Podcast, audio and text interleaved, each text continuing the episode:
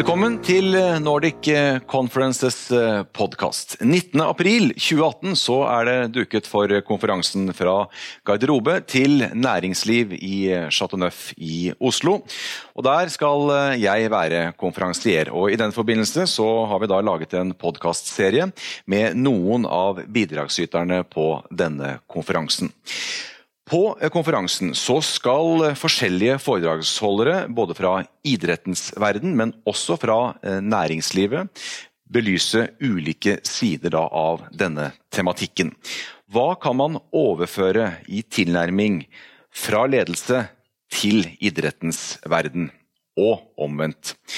I næringslivet, som i idretten, så handler det også om å utfolde sitt eh, potensial. Og i lineupen av foredragsholdere så skal vi også da ha med oss en av Danmarks eh, fremste eh, forretningsmenn, som i tillegg er filosof. Og han skal dele sitt perspektiv på hvordan man utfolder sitt, sine kollegers og sine medarbeideres potensial. Men nå Sigurd Granmark, du skal holde foredrag eh, på denne konferansen. og Bare for å kort introdusere deg. Eh, du har vært tidligere direktør i eh, Adidas Norge. En av Norges mest kjente foredragsholdere. Og har til og med et eget skilag, skal komme tilbake til det.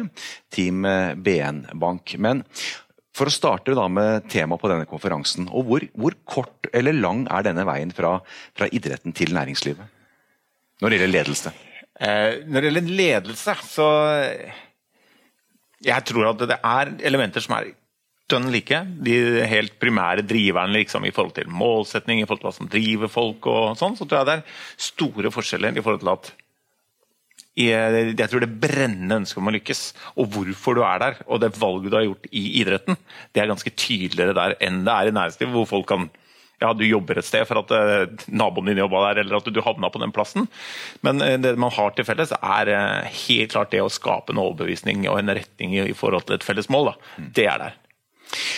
Men når man da Vi er jo, syns det er spennende å høre idrettsutøvere holde foredrag og prate om hvordan de tenker og hva de da tar med seg fra garderoben og, og, og inn i jobbsammenheng også. Men, men mye av det virker også veldig fjernt. Ja, definitivt. Jeg tror at på ledelsessiden så er det mer ting som er like enn på medarbeidersiden. Mm. Og jeg har jo både ansatt og jobbet med og, og, sett idrettsutøvere som har vært fantastiske i det de driver med idretten, som kan slite mer med å finne rollen sin i næringslivet. Tror også det, det ligger veldig mye i vanene. Hva man er vant til å gjøre og hvordan man driver. Og, og det kanskje noe ensformige som kan være i idretten mer reputative enn det varierte som er i næringslivet. Så jeg tror at det er flere, flere likheter på ledelse og mye større forskjell på hva som driver folk på ansattnivå og utøvernivå. Mm. Og Du er jo da rådgiver eh, for en hel en rekke næringslivsledere. Eh, men hvis vi da skal bli litt bedre kjent med Sigurd Granmark, eh, og du har jo en idrettsbakgrunn, og, eh, hva, hva er det som gjør at du brenner så for dette? Eh, det er så bra at du sier at jeg har idrettsbakgrunn. fordi Det har endt opp med at veldig mange ser på meg som han idrettsfyren. Og det er vel ingen da som har fått bedre betalt for en idrettskarriere enn meg. Fordi eh, jeg har jo idrettsbakgrunn, men jeg var jo dritdårlig. Jeg var jo eh, han som absolutt ville bli god, og som veldig mange nå ser som han som akkurat ikke lykkes. Men eh, jeg er nok den som er eh, lengst unna det å komme fra garderoben og nærmest mulig næringslivet her. Men aller helst kunne tenke på at jeg var han som sto på scenen og sa at jeg representerer garderoben. Ja. Jeg har drevet med masse forskjellig idrett, men jeg må si at det som grunnen til at jeg er her, er for å snakke om næringslivet. Men jeg elsker utøverne. Jeg elsker det mindsetet, jeg elsker den lagfølelsen og den dedikasjonen i det de gjør. Og det å få lov å være en del av det og lære av det, og også være veldig tydelig på hva vi ikke skal lære av det, og hva vi ikke kan bruke det til, det er det som gjør at jeg har rigga liksom, mitt, eh, min lekeplass, for å kalle det det, som er jobben min, med både næringsliv og idrett. Mm.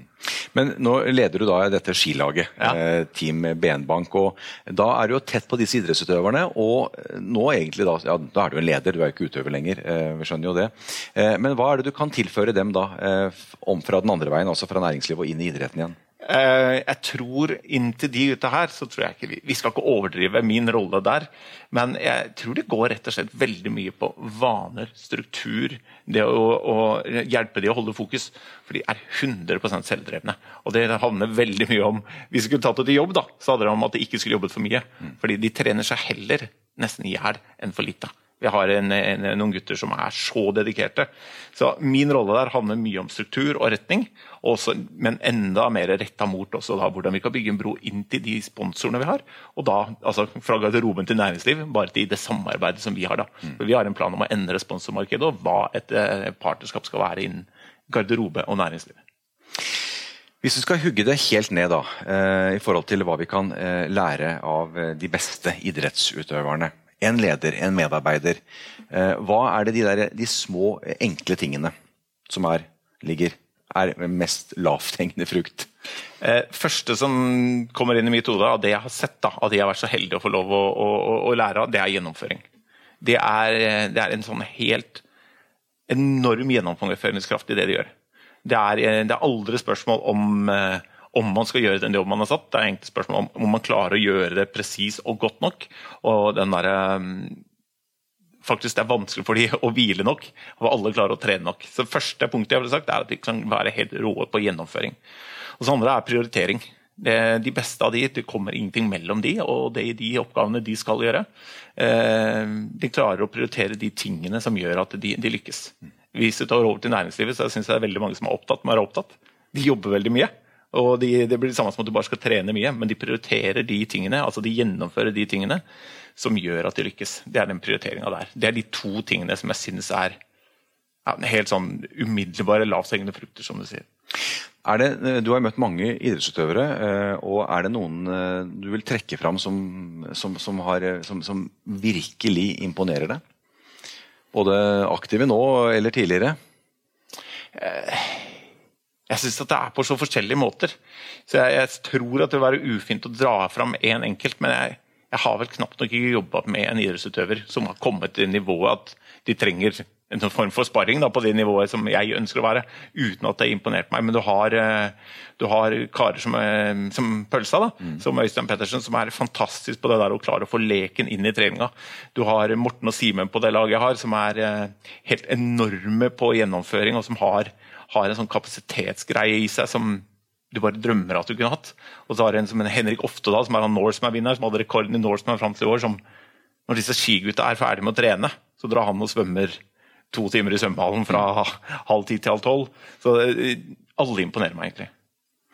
Nå er det jo sånn at De fleste idrettsutøvere de uh, gjør dette fordi de syns det er veldig gøy, og mm. sier jo det i alle intervjuer at eh, jeg har verdens beste jobb og det jeg får lov til å trene og jeg er så heldig. Uh, og Det er jo ikke alle som går med den følelsen hver dag når de skal på jobb. men altså Den der gleden over å få lov til å holde på med det de driver med, det, hvordan kan vi liksom lære av det i, i, sånn i forhold til å gå på jobb, eller som leder og som en vanlig ansatt? det her er det, her det jeg syns er litt misforstått. da. Og det, her, det er en av mine, det er veldig bra du spør om det. For jeg synes at vi, for det første så er jeg så oppgitt over at folk spør trives du på jobben. Mm. Ja, ja, jeg trives jo. Vi må ha det gøy på jobben. Jeg mener at det, De beste lederne jeg har sett, de aller beste, de får til akkurat dette her. Og det er et ansvar som en trener utøver har, men også en leder ansatt har. At det går an eh, å skape den følelsen at man du har verdens beste jobb.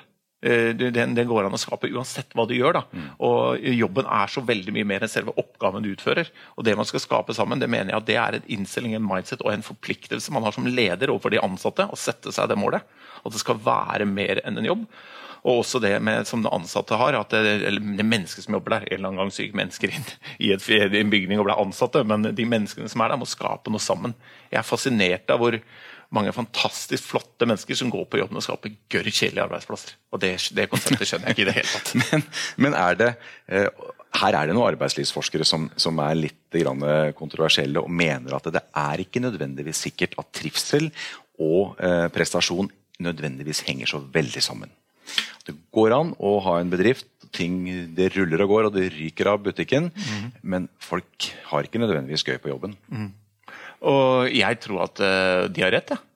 Uh, men for meg så handler det egentlig ikke om bare liksom, En god leder skaper jo resultater. Men jeg tror at det, det er i hvert fall ikke noen motsetninger. Men hvis trivsel alene hadde vært det middelet for å lykkes, så hadde det vært greit. Men hadde folk hvis du hadde mistrivdes på jobb og prestert bedre, så skulle jeg fått deg til det og jeg. Mm. Men jeg tror at vi, det handler om så mye mer. da. At når jeg først skal bruke mer tid med kollegaene mine enn med barna mine, så vil jeg ha det bra når jeg er der. Da vil jeg ha det gøy. Og ta det eksempelet når, når vi, Adidas tok tilbake eller markedslederskapet. Når jeg, når jeg var så heldig å lede det, så hadde de høyest medarbeiderscore i verden. Så det går an å skape begge deler samtidig. Det er ikke motsetninger, men det er ikke nødvendighet. Men bare for at det ikke er en nødvendighet, så nekter jeg å være med på at vi ikke skal ha det gøy på veien. Altså. Fordi, Vi må snakke litt om Adidas eh, når du var eh, der. fordi eh, Du kom jo inn på et tidspunkt hvor det høres rart ut, sikkert, fordi, men da var det jo litt sånn underdog. Mm. Nike var store, og, og, dere var litt sånn nesten et merke man var litt flau over å gå med, eller for å sette det på spissen. Men i hvert fall i Norge, da. Hva var det du gjorde med den skuta for å få snudd den? Jeg tror ordet du kanskje leita etter, men ikke sa, var grilldress. Mm. vi hadde liksom ja. grilldress-stempel.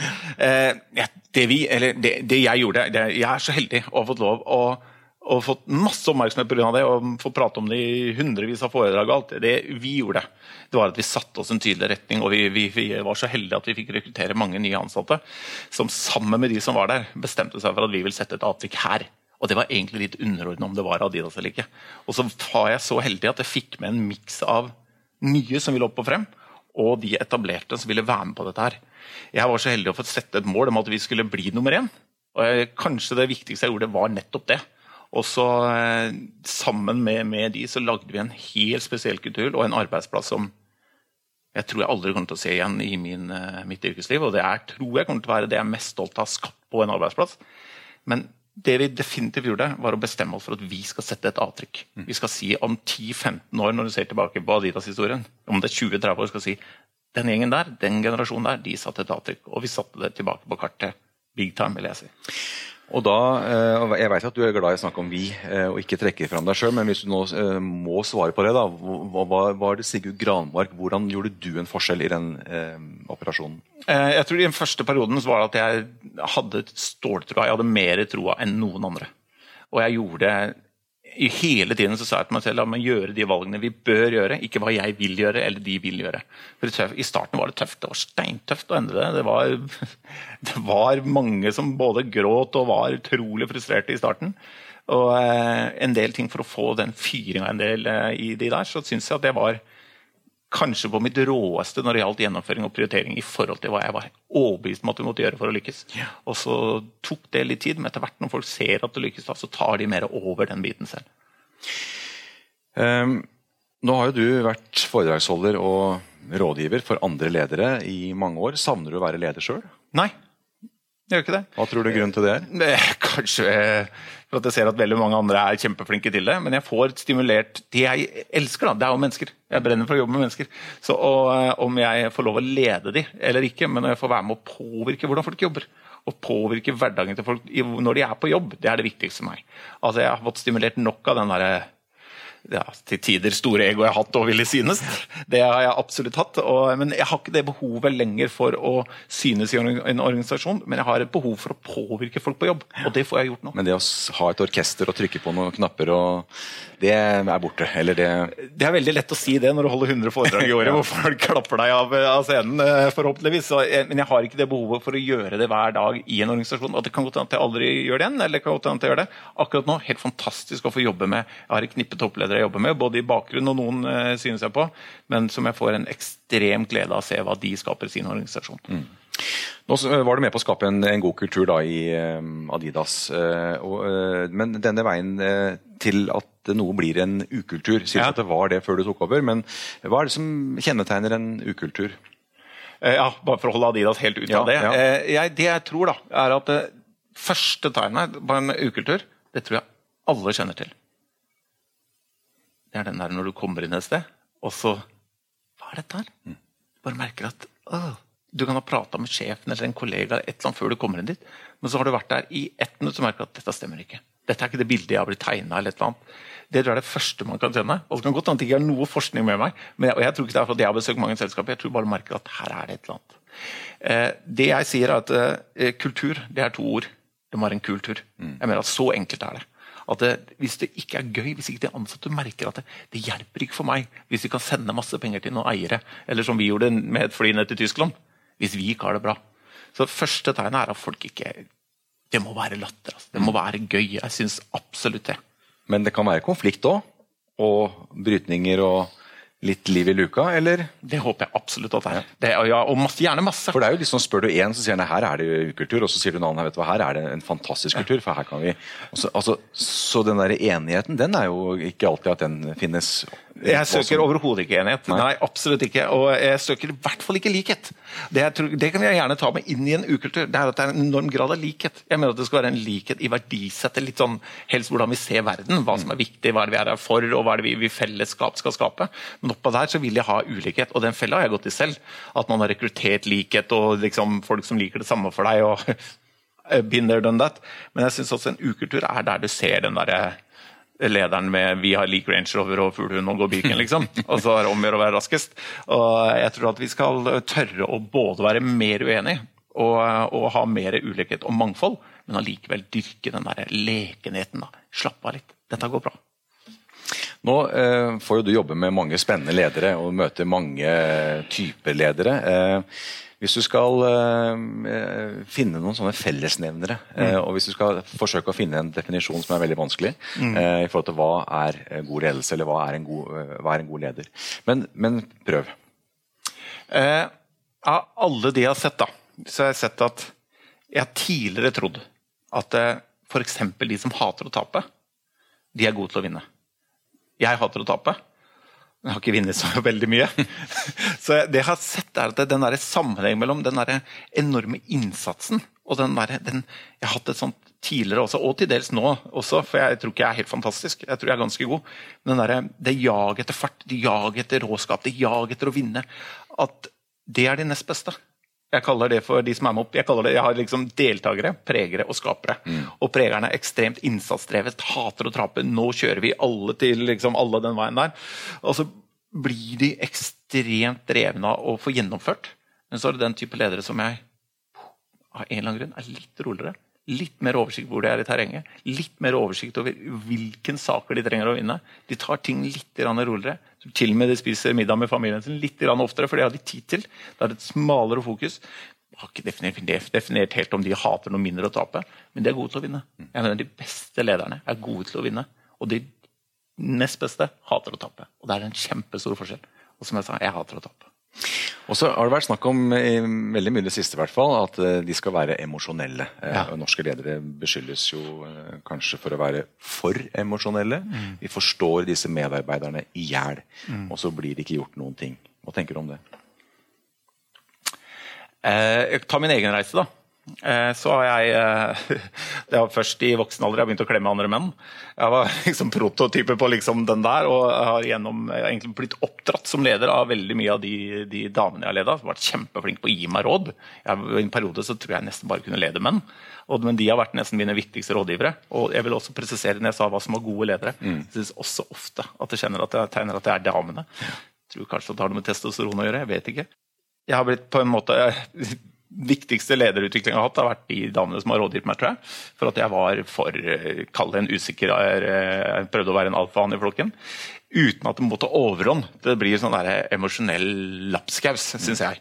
Jeg tror man må klare å skille hvis ikke jeg er nær deg, hvis ikke det er noe rom for at vi to kan ha en veldig tett relasjon, eller du kan ta ting med meg, eller jeg ser deg, ikke, ikke, hvis ikke jeg vet hva barna dine heter, hvis ikke jeg vet hva du liker, da blir det en sånn avstand som jeg, eh, jeg sliter med. Men samtidig må vi ha en, eh, den konkurransearenaen som er i næringslivet i dag. Den er såpass tøff at vi må også være såpass tydelige i hva som forventes. I den forventningsavklaringa der, i, leder og, og menneskemedarbeider, den tror jeg er kjempeviktig. Men at vi skal sammen klare å både være empatiske, men eh, ganske rå på gjennomføringskraft. Er vi enige om at vi skal gjøre det, så burde vi gjøre det. altså. Ha en interesse for andre mennesker, ja. eh, rett og slett. Eller hvordan man virker på andre mennesker. Ja. Um, kommunikasjon, da? altså Evne til å kommunisere. og Noen snakker om utstråling og karisma og mm. ekstroverthet og sånne mm. ting. Betyr det noe, eller? Eh, der er jo du leser plutselig en bok som heter 'Stille', og så er det introverte lederne som er best. Ja. Og så plutselig så leser du en annen bok som forsker, så finner du noe helt annet. Så hvilke forskningsmiljøer som er best, det vet jeg ikke. Jeg har sett alt. Jeg syns eh, noen introverte ledere er fantastiske, og til og med gode til å kommunisere. Jeg syns noen ledere, som kanskje har mer i min profil, kan stå og skrike og hoie, og så etterpå så jeg, spør jeg de ansatte f.eks.: Hva er målene deres? og så er det ingen som vet det.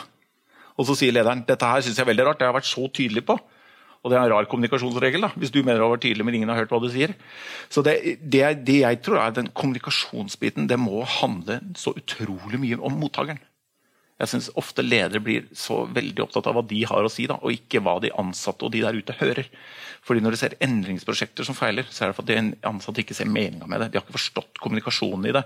Mens ledergruppa mener at de har vært krystallklare. Men det handler ikke om ledere, det handler ikke om ledergruppa. Det handler om hva de som går på jobb der hver eneste dag, hører. Og Det tror jeg man må være mye mer opptatt av, både i språk Jeg synes vi får jeg kunne jo tenkt meg at man forenkla alt fra kommunikasjon, strategipapir, at vi i ledere og ledergrupper kunne slappe av litt mer. Skriv det på et språk som er mye enklere å forstå. Mye færre ord, mye færre sider. Og si dette her er vi for. Jeg synes Kommunikasjon er komplisert. Bærer preg av at man ønsker å vise hvor flink man er, mer enn at folk skal lytte til deg. Så tror jeg Hvis man hadde vært opptatt av at det er ikke hva du sier, men hva folk hører, så hadde det vært mye lettere å være leder for mange. Tenker du at man er født til å være leder? Ingen anelse. Jeg er i hvert fall ikke det. Nei. Jeg stort sett brukt de første par 20 åra mine til å surre. Mm. Trodde jeg skulle bli eh, både ishockeyspiller og oppvokst eh, midt i Oslo i Groruddalen og hadde ikke noe utdannelse, ingen retning, ingenting. Så eh, etter hvert så fant jeg ut oi, dette er kjempespennende med folk og mennesker og har gjort alle mulige feil, og så havna jeg et eller annet sted. Jeg tror ikke de som besetter seg Det jeg snakker med, sånn som Simen Østensen, da, som er en av tror jeg, de beste skiløperne vi har hatt. Han er i hvert fall opp, og helt oppe på 10-15-20 vi har hatt noen tiende, det er jeg helt sikker på. Så spør han, han har aldri bestemt seg for å bli verdensmester. Aldri bestemt seg for å bli kjempe, han bare trente han. Mm. Sånn tror jeg det er med mange ledere òg. Du er på vei, du gjør ditt beste, så er du nysgjerrig, og så havner du den, og så får du den. Så, men det høres så fint ut å si jeg har alltid bestemt det. Ser disse DN-intervjuene og sånn. Jeg har alltid tenkt at jeg var leder, det visste jeg fra 7. klasse. Det skjønner jeg ingenting av. Nei. Men så er det andre som har det. Jeg tror ikke det er noen fasit, jeg tror ikke det er noen oppskrift. og Jeg tror veldig mange havner der med tilfeldighet, og noen havner der med overbevisning og retning. På denne konferansen så kommer det jo erfarne ledere, og så kommer det unge. Eh, eller eh, ikke nødvendigvis unge, men eh, folk som da akkurat Som er yngre enn oss. Ja, men som havna i lederrollen ja. i voksen alder i og for seg. Har du noen tanker om, eller noe råd til de som er nye i lederrollen? Ung eller middelaldrende, men som i hvert fall får denne muligheten? Ja, det har... slippe å gjøre alle feilene. jeg tror det er nødvendig å gjøre alle feilene. Nesten alle. Det jeg har lyst til å, å si, som jeg forbeholder meg at jeg kan kan ha veldig feil. Ikke lytt til erfarne. Jeg tror veldig mange av de erfarne Når jeg får beskjed om at jeg skal snakke med en erfaren, så jeg, kommer det en som ligner på meg eller deg. Mm. Og så liksom finner du ut han har jo egentlig bare jobba lenge. Altså, veldig Mange tror at tid og erfaring er det samme. Altså, det er veldig mange ledere jeg snakket med, så jeg tenkte når lærte du egentlig noe sist? Og så spør jeg de da, hva er det siste du lærte som var viktig for lederskapet ditt i forhold til en organisasjon i dag? Uh, men alle ser det som erfarne. Jeg tror at de må finne folk som et lite knippe som de stoler på, som er dønn ærlige med dem, men spør de. Jeg syns at unge ledere i dag bør tenke mye mer. Og det blir også øh, vi mer voksne. Vi bør gruble mye mer. For du blir overøst. Bare du leser øh, et knippe aviser og to blogger, så har du fire forskjellige filosofier innen ledelse. Men hadde jeg vært ung leder i dag, så hadde jeg begynt å jobbe fram en lederfilosofi som var viktig for meg, mine verdier, hva jeg står for. Og så hadde jeg holdt på den, liksom kost og kunnet og videreutvikla den og tenkt masse på ledelse. Mer enn å lese alt plutselig så sier bare vent, i løpet av et halvt år nå så kommer Simon Sanek med en ny, ny podkast eller en ny YouTube-video, og da skal alle i den retningen der. Eller så er det noe nytt for disruptive eller content marketing, da skal alle i den retningen der. De har ikke tenkt over eller virkelig forstått hva det egentlig handler om. Så en ung leder, ikke hopp på alle trender. Nei. Tenk masse på hvem du vil være fordi du skal lede. Det handler ikke om deg, det handler for de andre. Eh, og, og det, og, men det kan henge sammen, eh, eller ligge i et lederutviklingsløp også, altså dette? Eh, men, eller mener du at det er bortkasta, det også? Nei, men jeg mener at du kan gjerne ha deg en mentor. Men da må mm. du finne én eller to som du vet bare vil deg godt. Som ikke, jeg er ikke opptatt av meg, jeg er opptatt av deg. Jeg ønsker at du skal bli en kjempegod leder. Jeg kjenner deg, jeg vet hva du står for. Ikke at det blir liksom sånn derre alle sånn på grunn av det jobba et sted lenge. Fordi ledelse i dag jeg, de sånn, jeg tror at jeg er helt på hæla nesten på det næringslivet. Når jeg har besøkt 500 eh, selskaper de siste fire åra. Jeg ser hvor mye de har endra seg bare de to siste. Så det å snakke med en leder som har vært leder i 20 år, kanskje det du trenger av kompetansen hans, er de siste to-tre. Så tror jeg det, det, du kan spørre om, er å være mer nysgjerrig på hva driver mennesker. For det tror jeg er ganske konstant. At du kan snakke med de lederne om hva driver mennesker. Liksom, hvordan kan jeg trykke på knappen og nå frem? Det tror jeg er eh, viktig. Men jeg er redd for at man spør feil målgruppe hvis man kommer til eh, kall meg og deg på en sånt universal eller sånn generelt nivå. Fordi det går så fort. altså. Mm. Eh, tilbake igjen til, denne, til tittelen på konferansen, da, fra garderobe eh, til eh, næringsliv. Og så har vi snakka litt om utøverne, men vi har ikke snakka så mye om idrettslederne. De, hva, slags standard opplever du at de holder? Kunne vi tenkt oss det eksperimentet at næringslivsledere hoppa inn og gjorde en nesten like god jobb med disse idrettsutøverne, eller en bedre jobb? Vi har et fotballandslag som mange sitter i sofaen og mener at dette kunne jeg gjort bedre. Mm. Hvor vanskelig er det? jeg, jeg, jeg, har vel, jeg, har vel, sittet sånn i sofaen. Eh, det jeg kan si, da, er jeg har litt bakgrunn for å si det. Eh, fra tiden i Adidas sånn, så møtte jeg jo de fleste lederne i eh, tippeligaklubber og veldig mange andre typer idrettsledere. Jeg har møtt mye inn i dette skilaget og alt mulig i forskjellige idretter. Jeg skal være forsiktig med å gi Eller nei, det skal jeg ikke. Jeg syns at det er for mye likhet. Jeg syns at de rekrutteres fra en for liten gruppe. Og jeg mener det er en skandale av sånn som eh, eh vi ikke har en eh, kvinnelig skitrener på landslagene. At ikke det har vært. At i toppligaen i, i damehåndball så er det bare herretrenere. At vi i, på det norske kvinnelandslaget i håndball Treneren er jo fantastisk. Så har vi ikke en bra nok herretrener. At eh, hopplandslaget har blitt trent i 20 år av uh, utenlandske trenere, syns jeg er helt utrolig. At det ikke er trenere inn i ski, herrelandslaget uten skibakgrunn, syns jeg er helt underlig.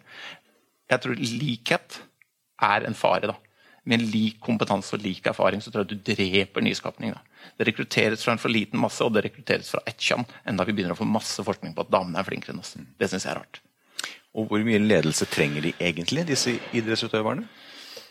Det, det tror jeg nok eh, at det er andre som kan svare bedre på. Men siden jeg står her, min erfaring er at de trenger litt retning, de trenger litt styring og de trenger å bli holdt igjen. Og noen ganger noen ekstremt rake pucker. Noen av dem syns synd på seg sjøl for at de må gjøre det minste ting som ikke har med sport å gjøre. Og det er bare tull. Det er liksom Forutsetninger for de fleste idretter i dag det er kommersielt, det er forretning som gir de fleste idrettsutøvere rett til å være profesjonelle utøvere.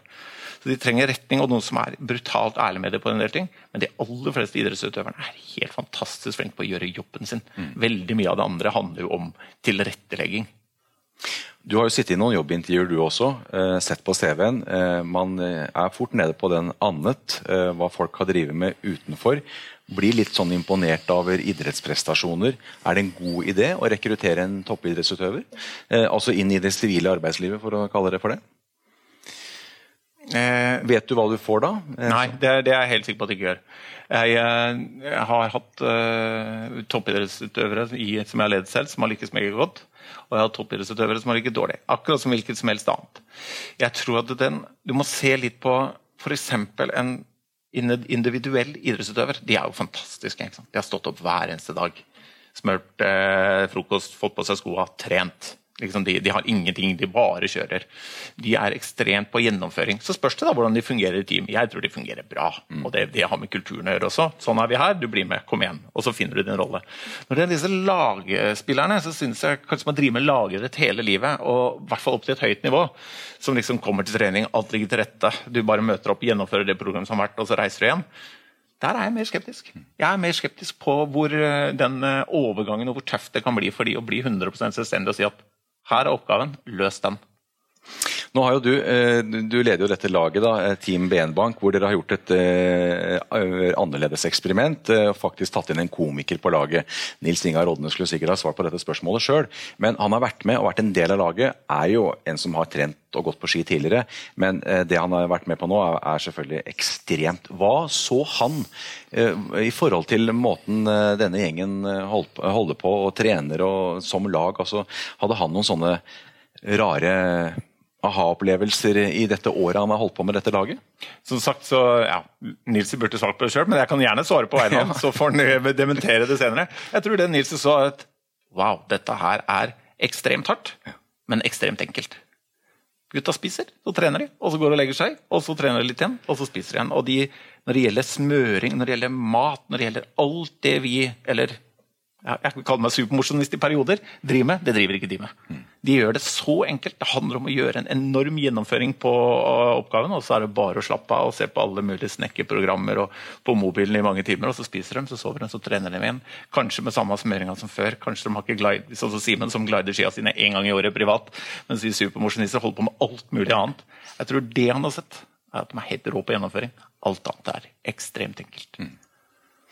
Nå eh, er du eh, svanger med bok. Ja. Eh, har skrevet eh, en bok som eh, skal ut eh, nå snart. Men eh, kan du røpe noe av eh, innholdet? Ja, absolutt. Eh, Det er en bok, Jeg har en, eh, en sønn på 12 og så en datter på 16. Når du har en datter på 16 og er en mann på, i midten av 40-åra, så blir det en sånn Jeg har aldri vært jente på 16, så jeg merker at det begynner å bli en litt sånn distanse. Så jeg skriver en bok eh, gjennom min datter Sara. Den eh, boka handler om det jeg har sett de siste fem årene, eller det er egentlig alle år som leder, men spesielt blir veldig bevisst på nå. Det handler om alt fra hva driver enkeltmennesket i forhold til det å prestere, men også innenfor endring og alt dette vi ser i næringslivet. Hvor jeg både harselerer og skryter og gjør mine kloke og mindre kloke betraktninger av det. Og Du nevnte dette med kultur i stad. Boka skal hete Kultur. Så jeg mener at det, er, eh, det handler om å lage det, da. En bok for eh, ledere, eller for alle, eller for eh, ungdom og voksne? Kanskje en bok for ingen, kanskje en bok for alle. Ja, det er i hvert fall Ledere bør ha noe å plukke med derfra. Jeg håper i hvert fall at en del ansatte Jeg tror jeg håper generelt at det er en bok for mennesker som har lyst til er litt nysgjerrige på disse tingene som gjør at vi presterer. Da. Jeg tror ingen etter å ha lest den boka tenker å herregud, nå skal jeg snu opp ned, og nå, en, eh, nå er alt veldig enkelt. Men jeg tror at folk vil se at det går an å gjøre ting ganske mye enklere, og at du har ganske mye mer bestemmelsesrett på hvilken retning du skal ta selv. Nå er det jo en stund til eh, du skal på scenen eh, i Chateauneuf og holde ditt foredrag. Men hva, hva blir det viktigste for deg når du går opp på scenen her og du tenker at nå skal det leveres til denne gjengen av ledere? Flere hundre. Det som er så fantastisk da, når eh, folk arrangerer lederkonferanser, det er at du snakker til de i salen, men du snakker til alle de de leder også. Eh, Det jeg kommer til å være opptatt av, det er å ledere skal gå ut derfra med en, noen verktøy, men i hvert fall det at de skal forstå at dette handler ikke om deg, at dette handler om å skape noe sammen med andre mennesker. Og at dette handler om veldig mye om å få ned skuldra, få ned en lekenhet. Vi vet ikke hva som kommer. Vi har ingen anelse. Masse eksperter mener veldig mye. Mest sannsynlig så har de også feil. Men jeg tror at måten å gjøre dette her på, det er å få organisasjoner som er ekstremt raske, har flatere struktur, og liksom fått den derre vi kommer til å gjøre masse feil, men vi skal gjøre det sammen. Og dette her går bra. Få inn lekenheten og få inn smila og mye mindre avstand fra lederne. Og gi liksom slippe folk frem, men også ta vare på de som har vært her lenge, hvis de vil. Lykke til, og takk for eh, praten her i podkasten. Takk skal du ha.